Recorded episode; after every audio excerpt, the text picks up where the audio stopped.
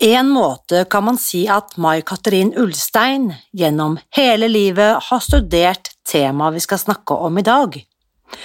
Nå har hun skrevet en masteroppgave om det som kalles den tredje spiseforstyrrelsen, nemlig overspisingslidelse.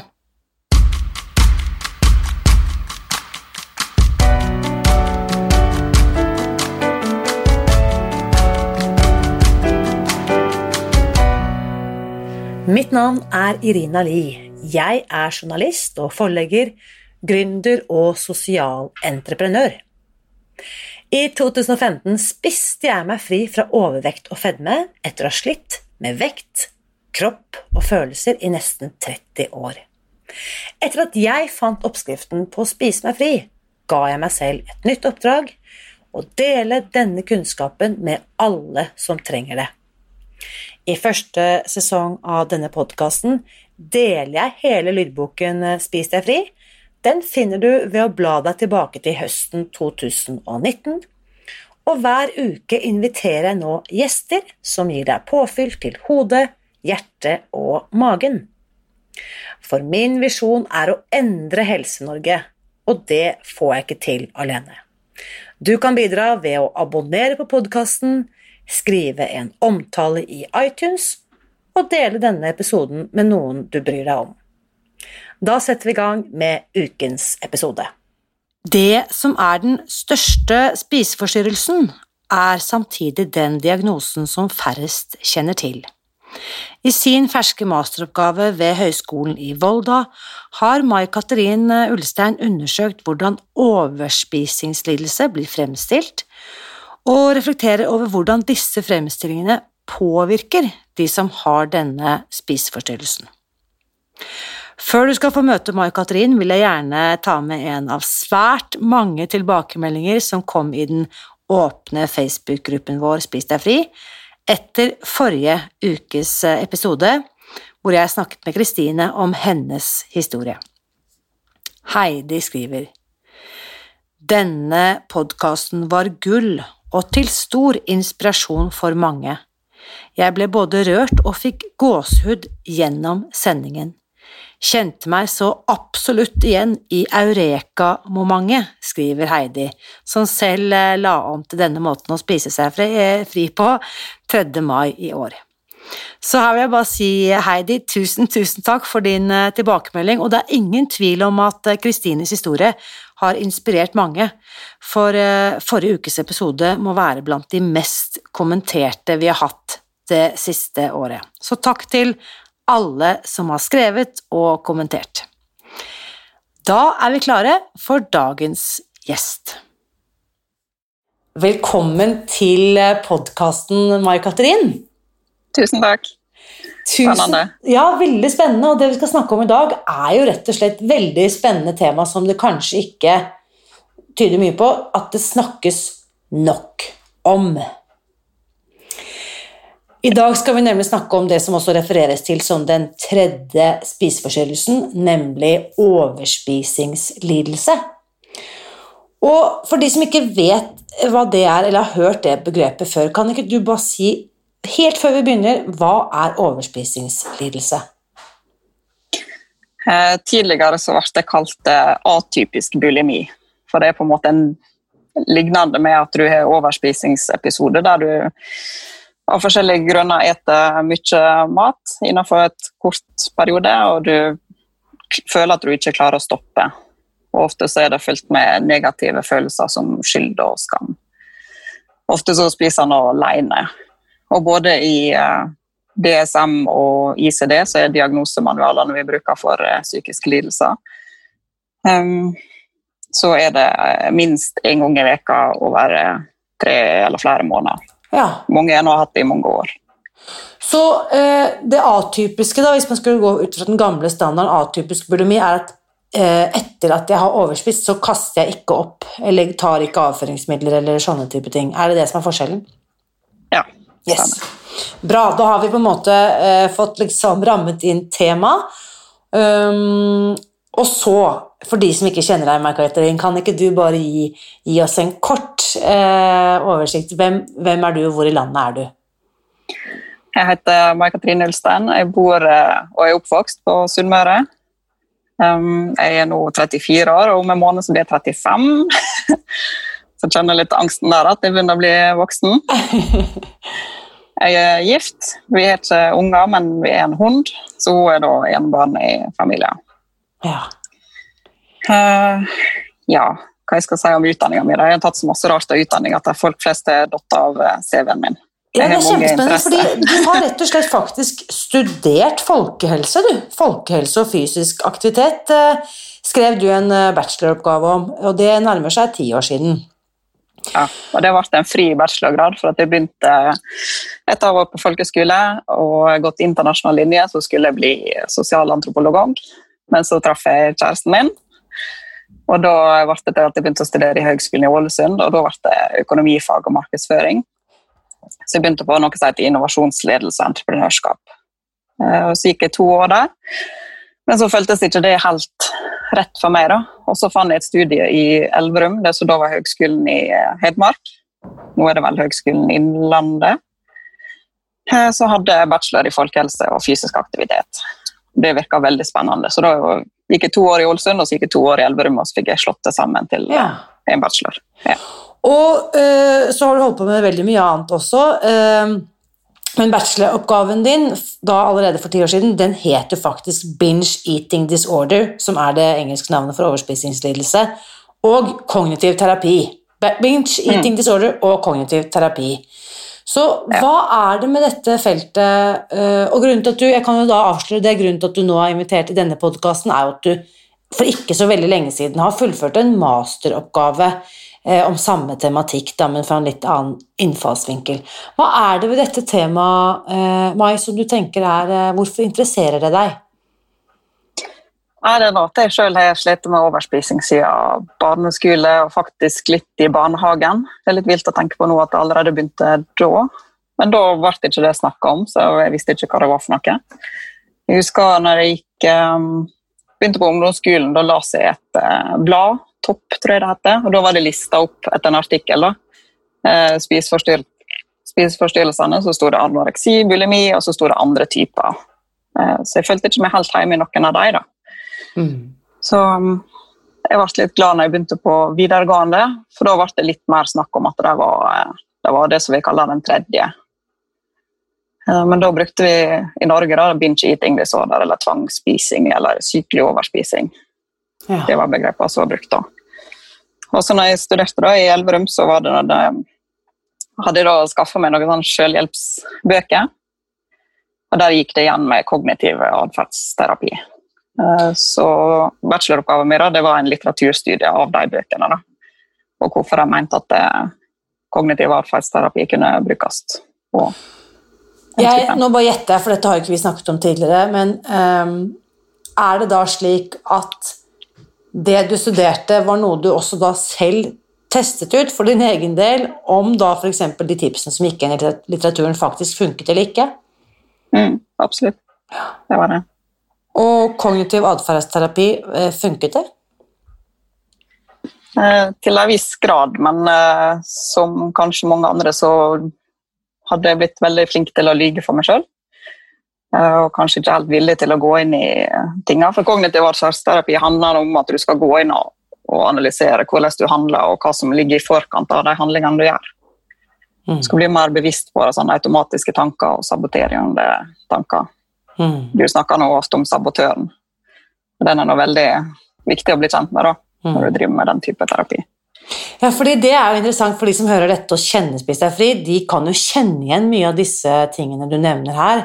Kognitive mm. verktøy ligger jo som et viktig fundament for hele Spis deg fri-metoden. Eh, og nettopp på en måte bli kjent med egne handlingsmønstre. Hva skjedde forut for? eh, Hvordan henger disse tingene sammen? For det kan vi vel forestille oss at uansett hvordan type spiseforstyrrelse man måtte slite med, så kommer det ikke ut av det blå. Det er en årsak til at jeg gjør som jeg gjør. Mm. Eller mange. Eller mange, ikke minst. Ja. Du beskriver at uh, du kan huske episoder helt tilbake til barnehagealder. Hvordan, uh, hvordan uh, artet det seg? F.eks. Hvis noen hadde baka boller Så ja, Farmor, eksempel, når hun gikk og hvilte middag, da, så lå de bollene til avkjøling på benken. Og siden der lå jeg sånn 40-50 stykker, og så tenkte jeg at hun merka ikke om én var vekk. Eh, og så var den veldig god. Så bare følte jeg at jeg måtte ha en til og en til. Uh, ja. Så jeg krympa nå på den, eh, den bollehaugen før hun våkna igjen. Mm. Hvordan ble fire år eller seks år gamle Mai Katrin eh, ivaretatt eller møtt i, i den type oppførsel da, eller handlinger? Nei, eh, det ble for det meste prøvd å bli oversett, for at familien min har vært veldig flinke til å, å, godta meg og på en måte ikke stresse opp det med kropp og vekt. og eh, På 80-tallet og 80-90-tallet så var det ikke så stort fokus på sukker som var i matvarer. Eh, det var fokus på sukker som du helte på maten sjøl, men det som allerede var i maten, og spesielt mjøl, det var nå ikke fokus på. For det var noe sunne matvarer som folk flest hadde i huset og skulle ha hver dag. Det er så sant. Det har endret seg så drastisk. Ikke hos alle nødvendigvis heller. Når jeg også ofte sier at spiser fri, så kutter vi også ut mel. Da er det ofte et stort spørsmålstegn som møter meg. Men hvorfor i all verdens navn? Mel er jo sunt. Det hører med til et eh, balansert kosthold etc. Så det er mye fortsatt mye feilopplysninger eller myter, da, kan vi si. Mm. Men så er det mange som tåler det også, så det er vanskelig for deg å sette seg inn i hvordan vi er det vi som ikke gjør det. Ja, ikke sant. Det er akkurat det. På seg selv kjenner man ingen andre, som, som det også kan mm. sies. Så um, Dine egne erfaringer, og dette er jo da noe du har tatt med deg vi kan jo da egentlig si hele livet, da du er 34 år gammel nå, og du beskriver episoder helt tilbake til barnehagealder. Er det uh, Kjente du noen, eller fantes det noen growing up, holdt jeg på å si, som du visste hadde samme tendenser, eller som du kunne kjenne deg igjen eller sånn, at du skjønte at du ikke var helt mutters alene med å streve med disse tingene her? Uh, nei. Ingen. Mm. Så jeg var nå På barneskolen så var jeg i femte klasse, husker jeg. Da var jeg både den høyeste og den bredeste på hele skolen. Og det var mm. sammenligna med guttene også. Så jeg følte meg veldig alene. Mm. Men så kom det etter hvert da, artikler i blad og eh, filmer og serier. og Så begynner det å hjelpe litt på. da. Begynner på en måte å få litt navn på ting. Det hjelper utrolig når jeg skjønner at jeg ikke er den eneste som eh, holder på med dette tankekjøret eller disse handlingene på ulike måter. Punktere den eh, ensomhetsfølelsen så jeg syns det er kjempefint at du forteller, og, og, takk for at du er så modig å sette ord på det også. Det vet jeg vil hjelpe veldig mange. Så må vi jo da eh, Denne oppgaven du nå har ferdigstilt, eh, som da altså er eh, fullført ved Høgskolen i Volda, eh, en mastergrad i helse- og sosialfag, hvor du på en måte har eh, på en måte på det, den studieretningen som handler om mestring og myndiggjøring. Det er jo store ord, da. Der har du mm. skrevet en, denne masteroppgaven eh, om eh, overspisingslidelse. Fortell, hva var litt av eh, Hva var det du ønsket å undersøke der?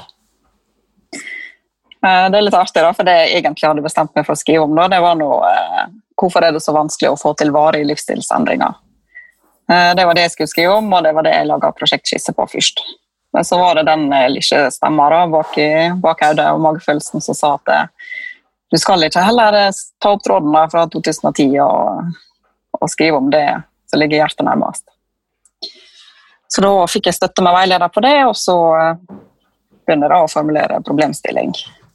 Um, og det er nå fortsatt, Selv om det er gått ti år siden jeg skrev bacheloroppgaver, så er det fortsatt lite vi snakker om det i Norge, selv om det, det blir bedre. Og jeg vil framsnakke Aftenposten og nrk.no, som siste år har hatt veldig fine artikler der de intervjuer folk som snakker om hvordan de har hatt det, og så supplerer de med fagpersoner og kommentarer fra dem. Så det blir, det blir bedre.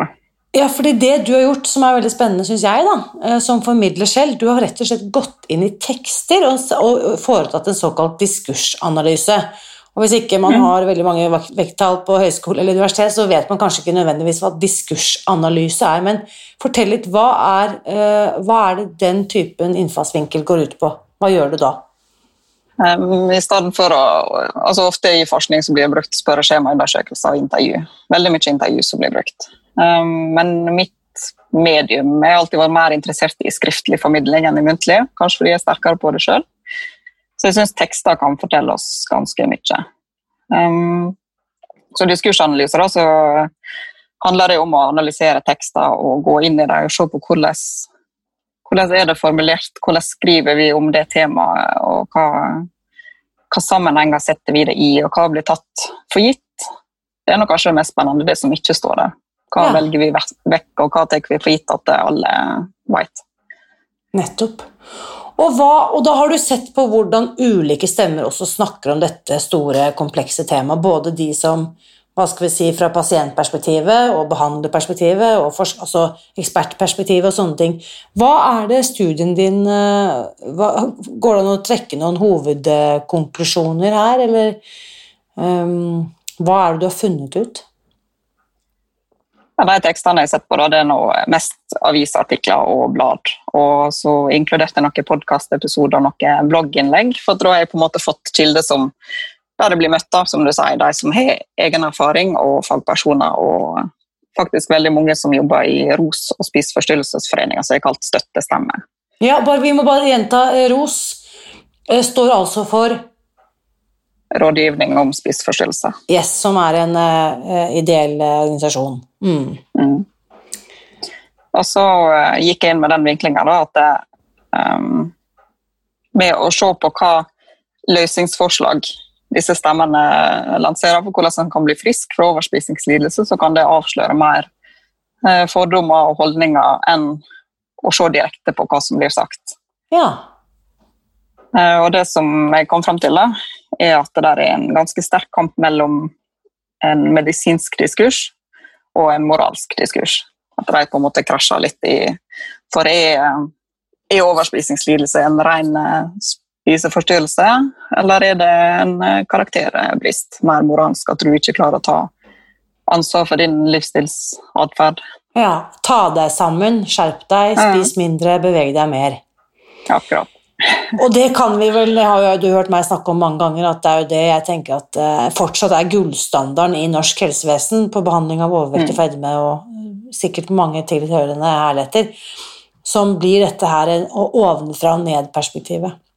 Mm. Men, Men det som er irriterende ja, mm. da, da, er at hvis du setter meg, stenger meg inn i et rom og gir meg akkurat passe med mat som jeg skulle hatt, så hadde det funka, da hadde jeg gått ned i vekt.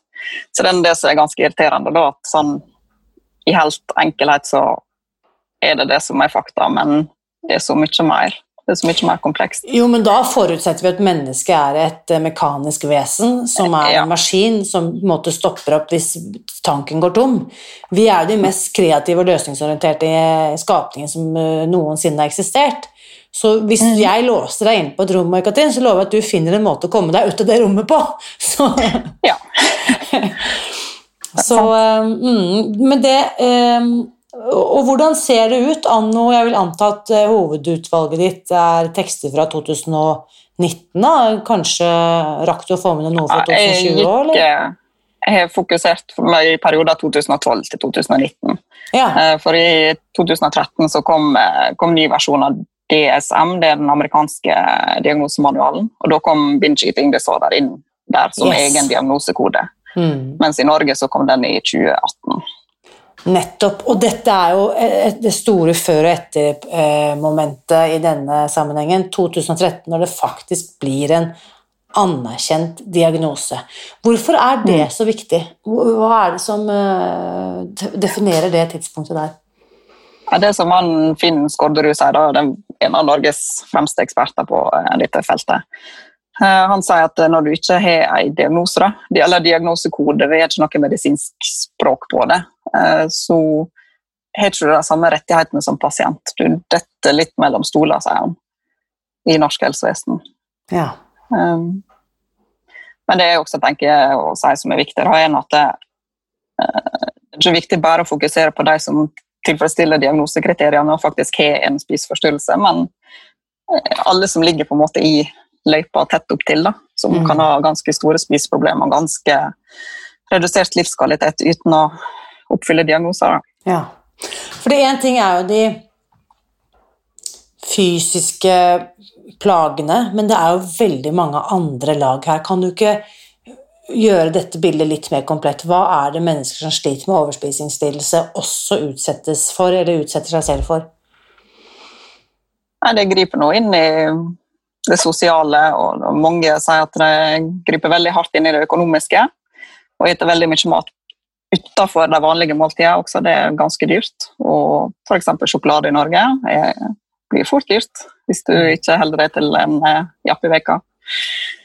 Um, og det sosiale med at du eh, ja, f.eks. går i selskap, da, og så tør ikke du å ta noe av den, eh, det som står på bordet, for at du, du vet at da vekker du trollet.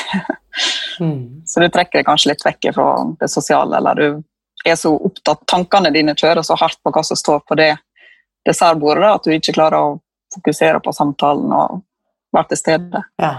Da vil jeg tippe at for mange er det da en enklere løsning å melde avbud på den festen enn å mm. utsette seg selv for eh, den type ubehag eller fristelser. Mm.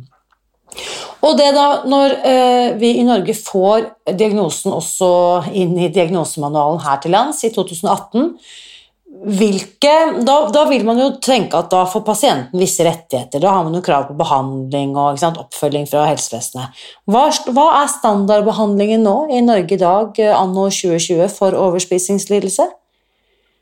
Det som står i den eh, retningslinja vi fikk i 2017, eh, så er det anbefalt med psykoterapi og kognitiv atferdsterapi hovedsakelig.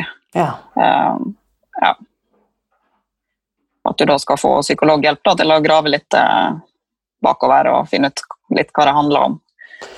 Eh, men veldig mange får beskjeden at eh, du er ikke syk nok. Dette her eh, Ja, det er bare å gå hjem igjen og ta seg sammen. Og, eller kanskje gå en tur på Frisklivssentralen eller eh, delta på kostholdskurs. Eh, kanskje noen treningsgrupper. Ja, At man går ut ifra at pasienten rett og slett har mangel på kunnskap Eh, ja, også at uh, overvekta blir sett lettere enn spiseforstyrrelsen. Og hvis spiseforstyrrelsen blir sett, da, så er det lett å fokusere på handlingene og få ned mm.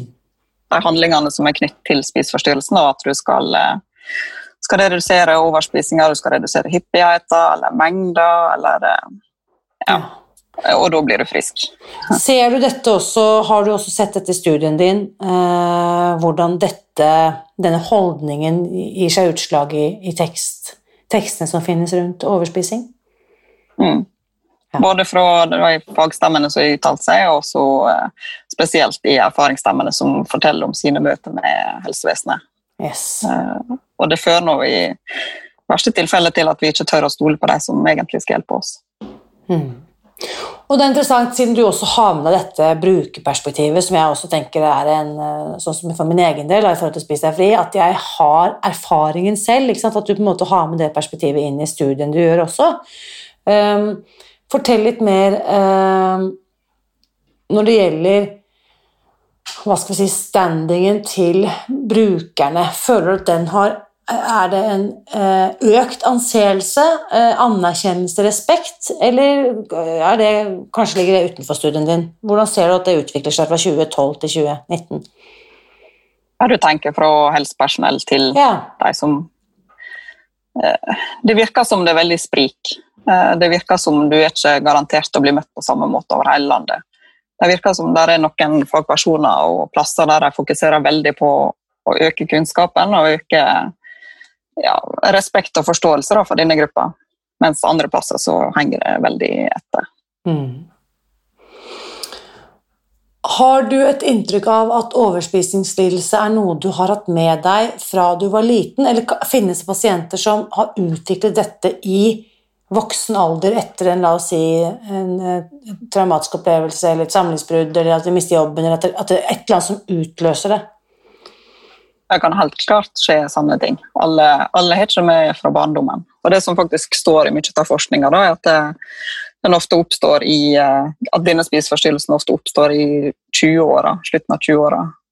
Eh, men i det datamaterialet som jeg har sett på, så har flesteparten av erfaringsstemmene faktisk altså De kan se det nå i retrospekt at det, det begynte ganske tidlig ja. i barndommen. Ja. Ofte med større, mobbing eller ja. ja, når jeg får større innsikt om min egen eh, Altså hva jeg faktisk sliter med, så ser jeg hele på en måte fortiden også i et nytt lys, og det, det kjenner jeg meg veldig igjen i forhold til Spis deg fri også, at eh, avhengig atferd har jeg hatt eh, mye, mye lenger enn det jeg har eh, tenkt tidligere. Mm. Så, eh, og så vet jeg jo at du eh, ramlet over Spis deg fri. Du må fortelle litt om det. Hvordan, hvordan skjedde det at du eh, kom over eh, denne metoden? Nei, jeg skulle egentlig levere oppgaver til, til jul eh, 2019. Og så så jeg at jeg rakk ikke å bli ferdig, og hadde ikke lyst til å Det er sånn at Hvis du først leverer, så får ikke du forbedre den senere. Jeg kunne ikke levert den og fått en karakter og så levert igjen. Så da valgte jeg å utsette. eh, Og så tenkte jeg da, har jeg tid til å gjøre litt forbedringer. da. Eh, Så da supplerte jeg med, med podkaster, for jeg hadde oppdaga podkastuniverset. Og så søkte jeg podkast pluss overspising. Og da kom jeg over den episoden din med og Katrine Nitter i ROS. Yes. Eh, Og måtte transkribere hele den, bruke noen timer på det. Eh, så da var jeg så interessert at da begynte jeg å høre på din podkast. Så Ja. gøy! Og dette var da ikke sant? Hun var jo intervjuet tidlig i januar. Du nevnte vel at du hadde oppdaget podkasten i typ februar? Sånn så i februar. Ja, Ja. stemmer. Så i Da dag er faktisk min dag 200. Det må jeg Ja, bare vet du, det skulle akkurat si det, fordi hva skjedde så? En ting at du, en ting er at du da hører podkasten, men du blir rett og slett inspirert til å spise deg fri, du òg? Mm. Ja, for det jeg opplevde, er noe som mange andre jeg prøvde veldig mange eh, mer eller mindre rare metoder opp gjennom. Da. Og det som er virker best for meg, det er lav karbo. Og da unngår du mjøl og sukker. Og det er strenge regler. Hvis du går utenfor dem, så ja, sklir det ut. Eh, og det er noe litt det samme i Spis deg fri, at du har klare linjer, og det er ikke mjøl og sukker. Mm.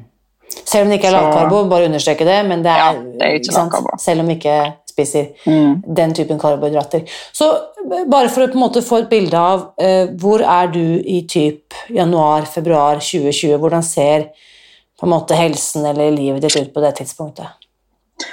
Nei, da har jeg kommet meg opp igjen på eh, det jeg kaller all time high. Eh, som jeg nådde første gang i januar 2013. Og så hadde jeg klart å jobbe med meg ned eh, 30 kg til 30-årsdagen min i 2015. Og så nå i februar i år så var jeg oppe igjen på den, selv om jeg hadde lovd meg selv at det skulle aldri skje.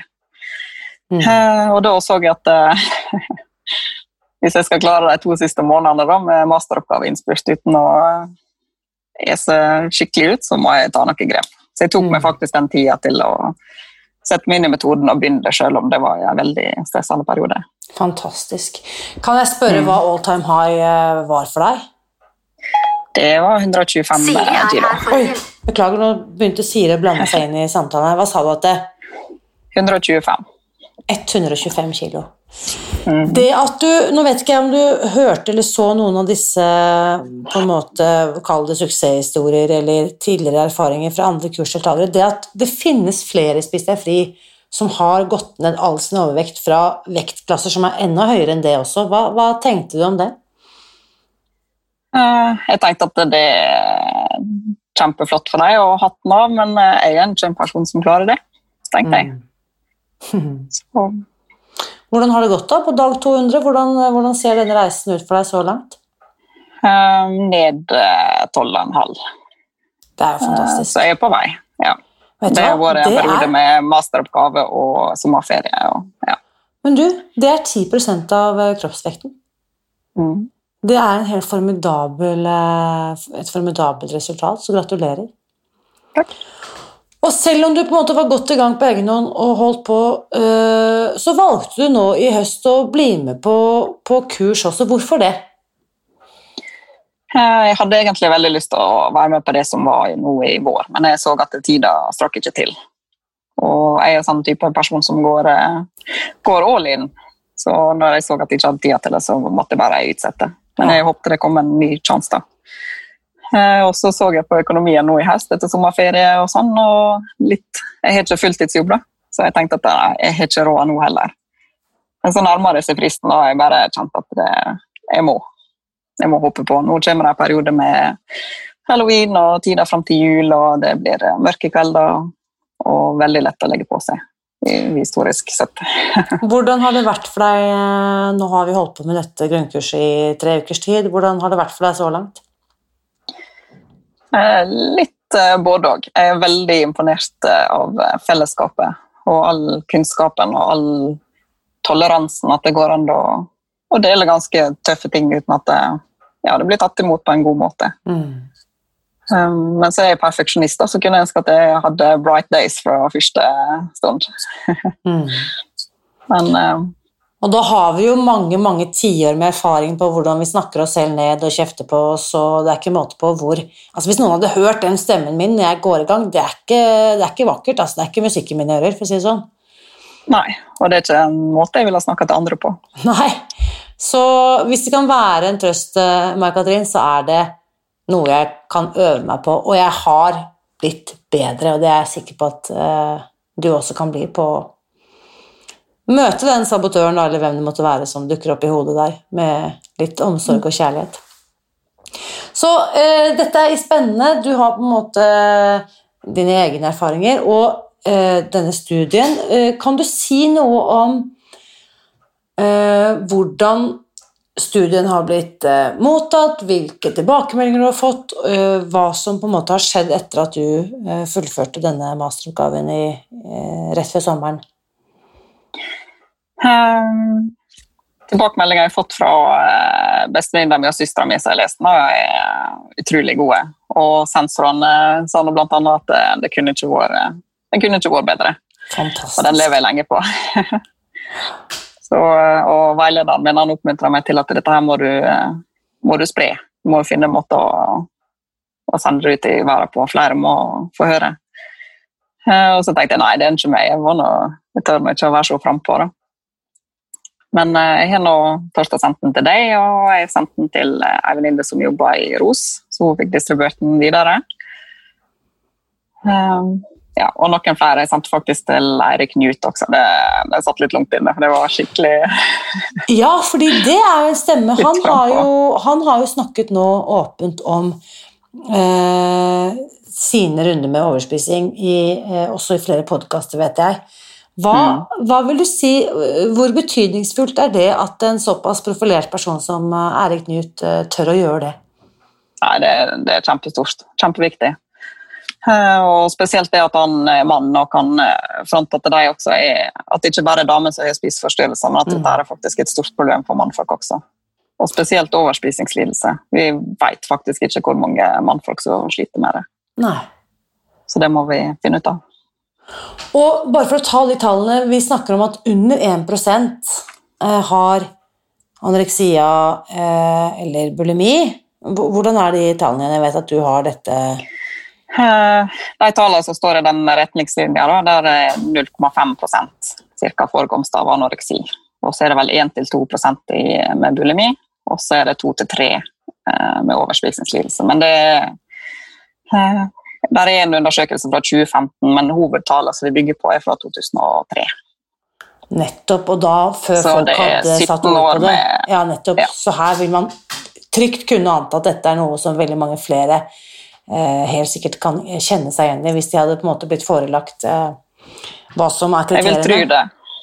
Ja, for eh, det som er vist da i forskning, er at du har ikke nødvendigvis overspisingslidelse hvis du er overvektig, men til høyere vekta er til større sannsynlighet er det for at du enten har det eller utvikler det.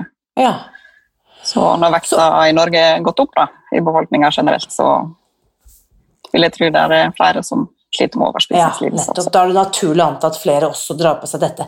Fordi eh, det som mange kanskje er litt forvirret om, det tenker de kanskje i forhold til å spise seg fri også. Man tenker hvis man er hekta på mel og sukker eller sliter med eh, på en måte ukontrollert spising, så er man nødvendigvis tjukk. Men det stemmer ikke, i hvert fall ikke i forhold til dette med spis deg fri eller avhengighet. Hvordan er det i forhold til overspising? Uh, ja, Nei, det blir, det blir påpekt fra uh, fra mange kilder at uh, vi må være obs på det at uh, mange som er normalvektige eller faktisk undervektige, har spiseforstyrrelser og også bulimi og overspisingslidelse. Ja. Men uh, det spørs litt hva fase du er inne i av sykdommen. Da, for at til, til oftere overspisingsepisodene kommer til større sannsynlighet det er for at du legger på deg at det blir synlig. Ja? Men det kommer an på hva, hva kroppen har, og hva han kompenserer med. Om han eh, trener mye, eller om han eh, er flinkere eller flink i gåsehudet til å ikke ete imellom. Ja, altså Hvis du på en måte bare sørger for altså nå, Dette er jo ikke noen oppskrift, men jeg tenker liksom, en konsekvens kan jo da være at jeg overspiser, og så sulter jeg meg på en måte i en, i en lengre periode eller over dager, slik at jeg igjen kan ha et, et eller annet overspisings... en episode uten at jeg nødvendigvis er overvektig av den grunn. Mm. Mm, kompenserende handlinger som du snakker om. Ja. Og hvor Så- godt har han det da med seg sjøl? Hva sa du til? Hvor godt er han det med seg sjøl da? Ja, ikke sant.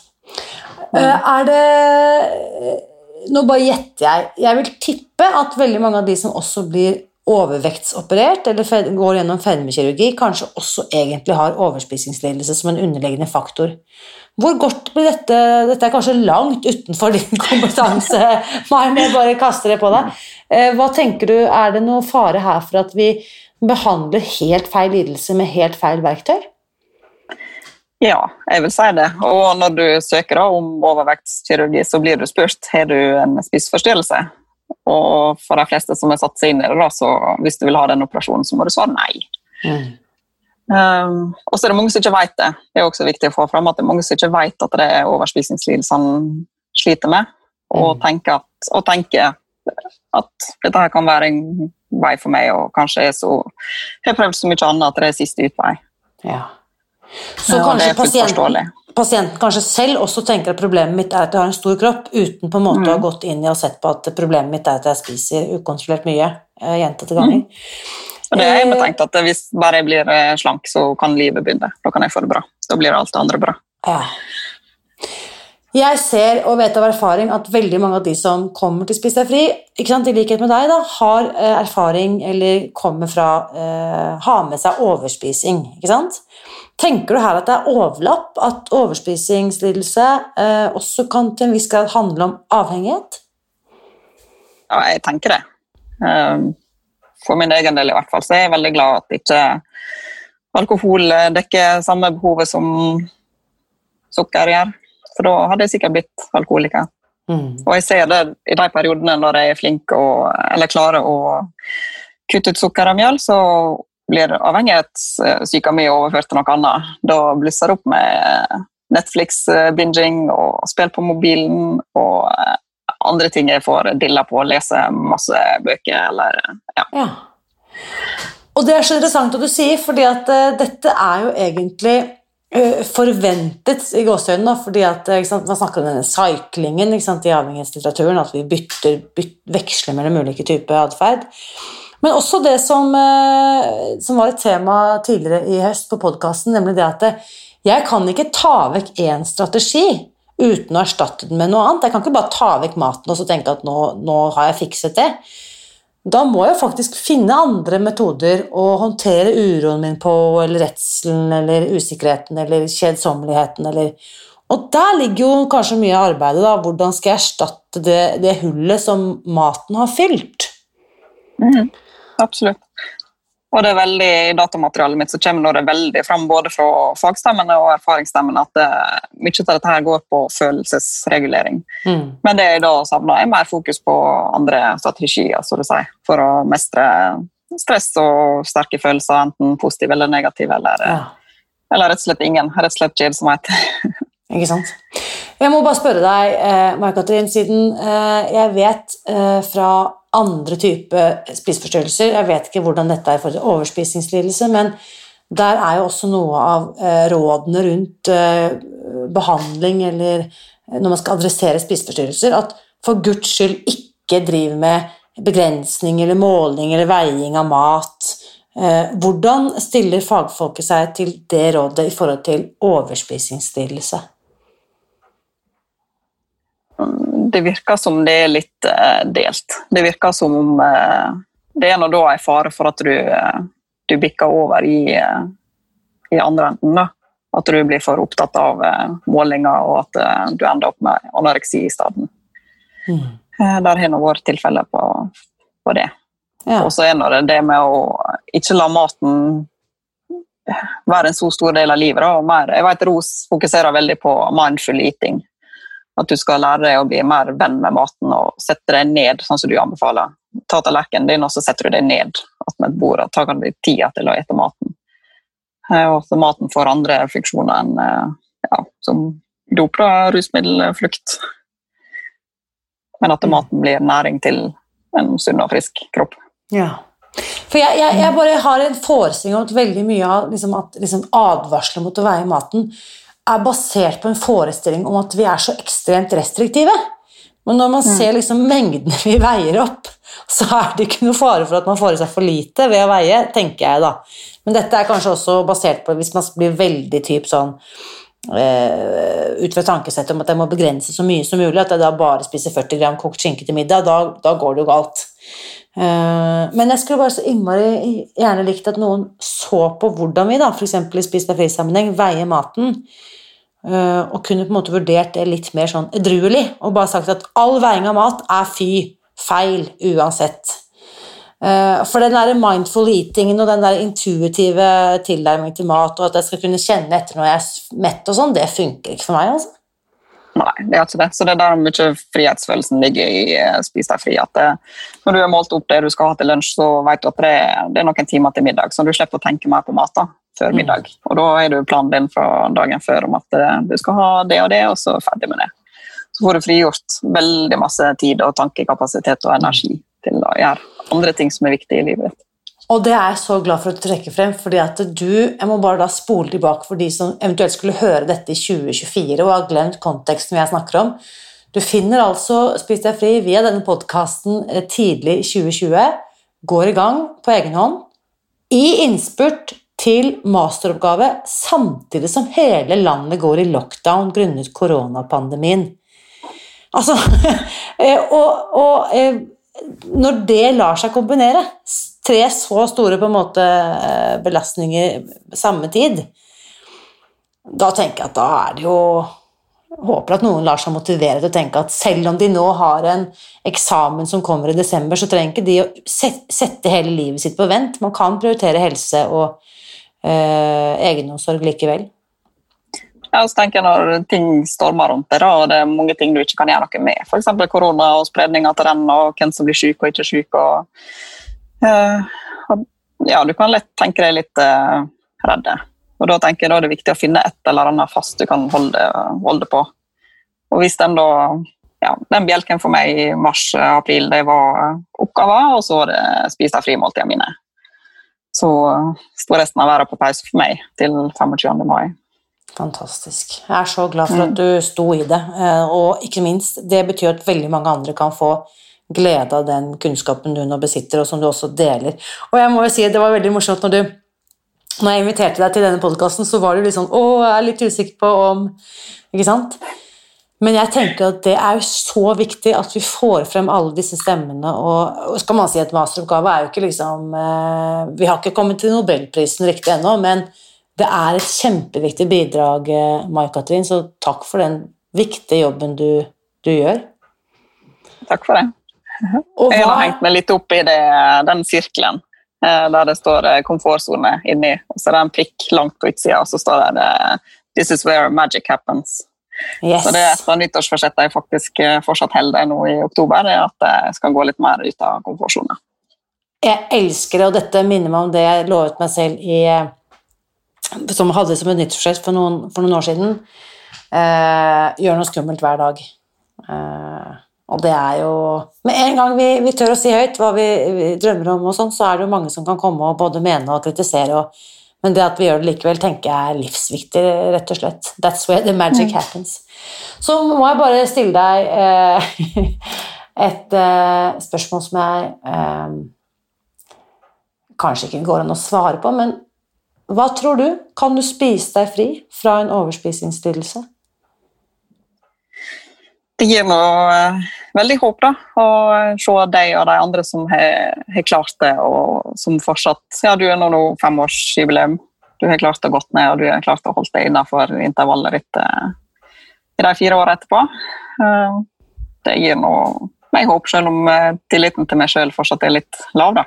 Mm. Men eh, til flere gode rollemodeller som eh, er der i Spis deg fri og Brightline-fellesskapet til, eh, til, mer håp, blir spredt. Mm. Og du skal vite at det håpet er du med på å, å spre nå. Hva er det du kunne tenke deg å gjøre Jo, ta det til deg.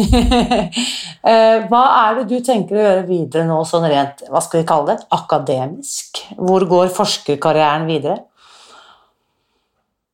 Ja, vi er nå på 8. oktober, og 15. oktober går er søknadsfristen for ph.d.-studiet. Men jeg så det at jeg rakk ikke å komme i mål med prosjektskissa i år. Så det må jeg prøve meg på kanskje neste år. Så det er det jeg ser litt fram i horisonten. Men når jeg skulle kutte ned to ideer til én, så endte jeg opp med en tredje. Så det ble litt håpløst akkurat nå. kan, kan, jeg med, kan, jeg komme med et ønske? Kan ikke du ta en doktorgrad og forske på Spis deg fri? Ja, kanskje det. Og så går jeg med en liten bokdrøm, da. Men det spørs hvor jeg går med den. Den syns jeg som mangeårig forlegger og forfatter, den Mark-Katrin, den stemmen der skal du ikke overse, for det kan være kanskje noe av det viktigste eh, du kan eh, gjøre, både for deg selv og andre. Så den heier jeg på sånn ordentlig, ordentlig, ordentlig. Så gøy å høre. Mm.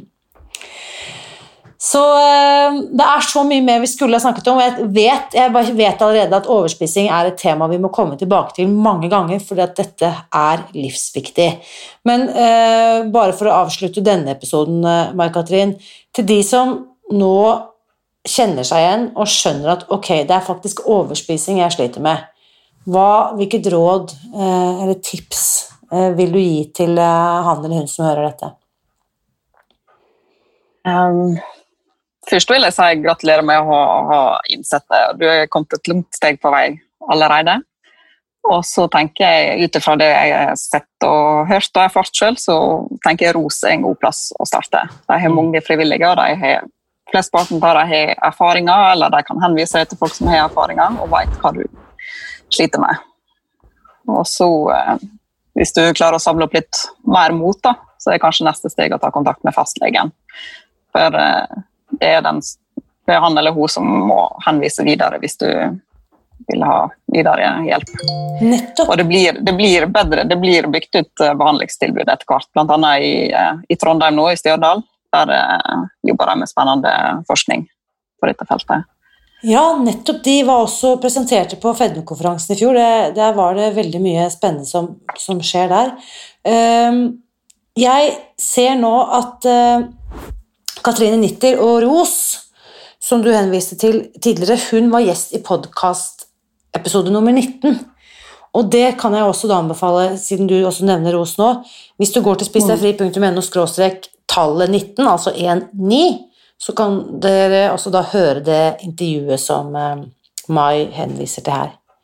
Dette her var superverdifullt, og jeg, eh, jeg liker også det at eh, vi kan faktisk gratulere når vi, når vi får en ny innsikt. Det tenker jeg er jo, det er jo første skrittet til all forandring, er å innse at jeg faktisk har et problem. Før den tid så er det jo vanskelig å få gjort noe med noe som helst. Mm. Mm. Absolutt. Så tusen, tusen takk for uh, pratene, Mai-Katrin. Og så håper jeg at du bare fortsetter å dykke ned i dette kjempeviktige feltet. Og hvem vet, kanskje, vi, uh, kanskje du kan forske litt på oss en vakker dag? Ja, kan hende det. Kjempebra. Takk for i dag. Mm, takk for i dag. Nå lurer jeg på, hva tenker du etter å ha hørt min samtale med Mai Katrin i dag? Hva var det som var særlig viktig for deg å høre? Jeg vil gjerne at du blir med inn i den åpne Facebook-gruppen Spis deg fri og deler din takeaway etter dagens episode. Der møter du også Mai-Katrin, som vil være med og svare på dine spørsmål og tilbakemeldinger. Neste uke da skal vi gjøre et stort sprang. Da skal du få møte lege Kari Kverner, som har skrevet en bok om hjernens mysterier, og hva slags rolle hjernen spiller når vi skal motivere oss selv og andre. Kom tilbake hit neste søndag hvis du vil høre mer om det. Og, og, bakgrunnen for at jeg inviterte Kari Kverne, er takket være tips fra en eh, lytter. Så hvis du har innspill eller forslag til hvem jeg burde invitere til eh, denne podkasten for å snakke om hvordan vi kan ta bedre vare på oss selv, enten det er fysisk, mentalt eller følelsesmessig, så send meg gjerne et tips ved å gå til www.spisdegfri.no tips. Du kan også tipse meg om deg selv hvis du har en spennende historie eller sitter på kunnskap og erfaringer som du vil dele med andre, så send meg i så fall en melding ved å fylle ut skjemaet som du finner på nettsiden vår spisdegfri.no tips. Og hvis du har hørt noe i dagens episode som du er spesielt takknemlig for, så blir jeg kjempeglad hvis du har lyst til å klikke deg inn på iTunes og skrive en eh, tilbakemelding eller legge igjen fem stjerner. For som du vet, mitt motto er at gode nyheter er skapt for å deles, og når du skriver en omtale av denne podkasten i iTunes, bidrar du til at flere kan oppdage alt det viktige vi snakker om her, hver uke. Husk også at jeg heier på deg. Alltid.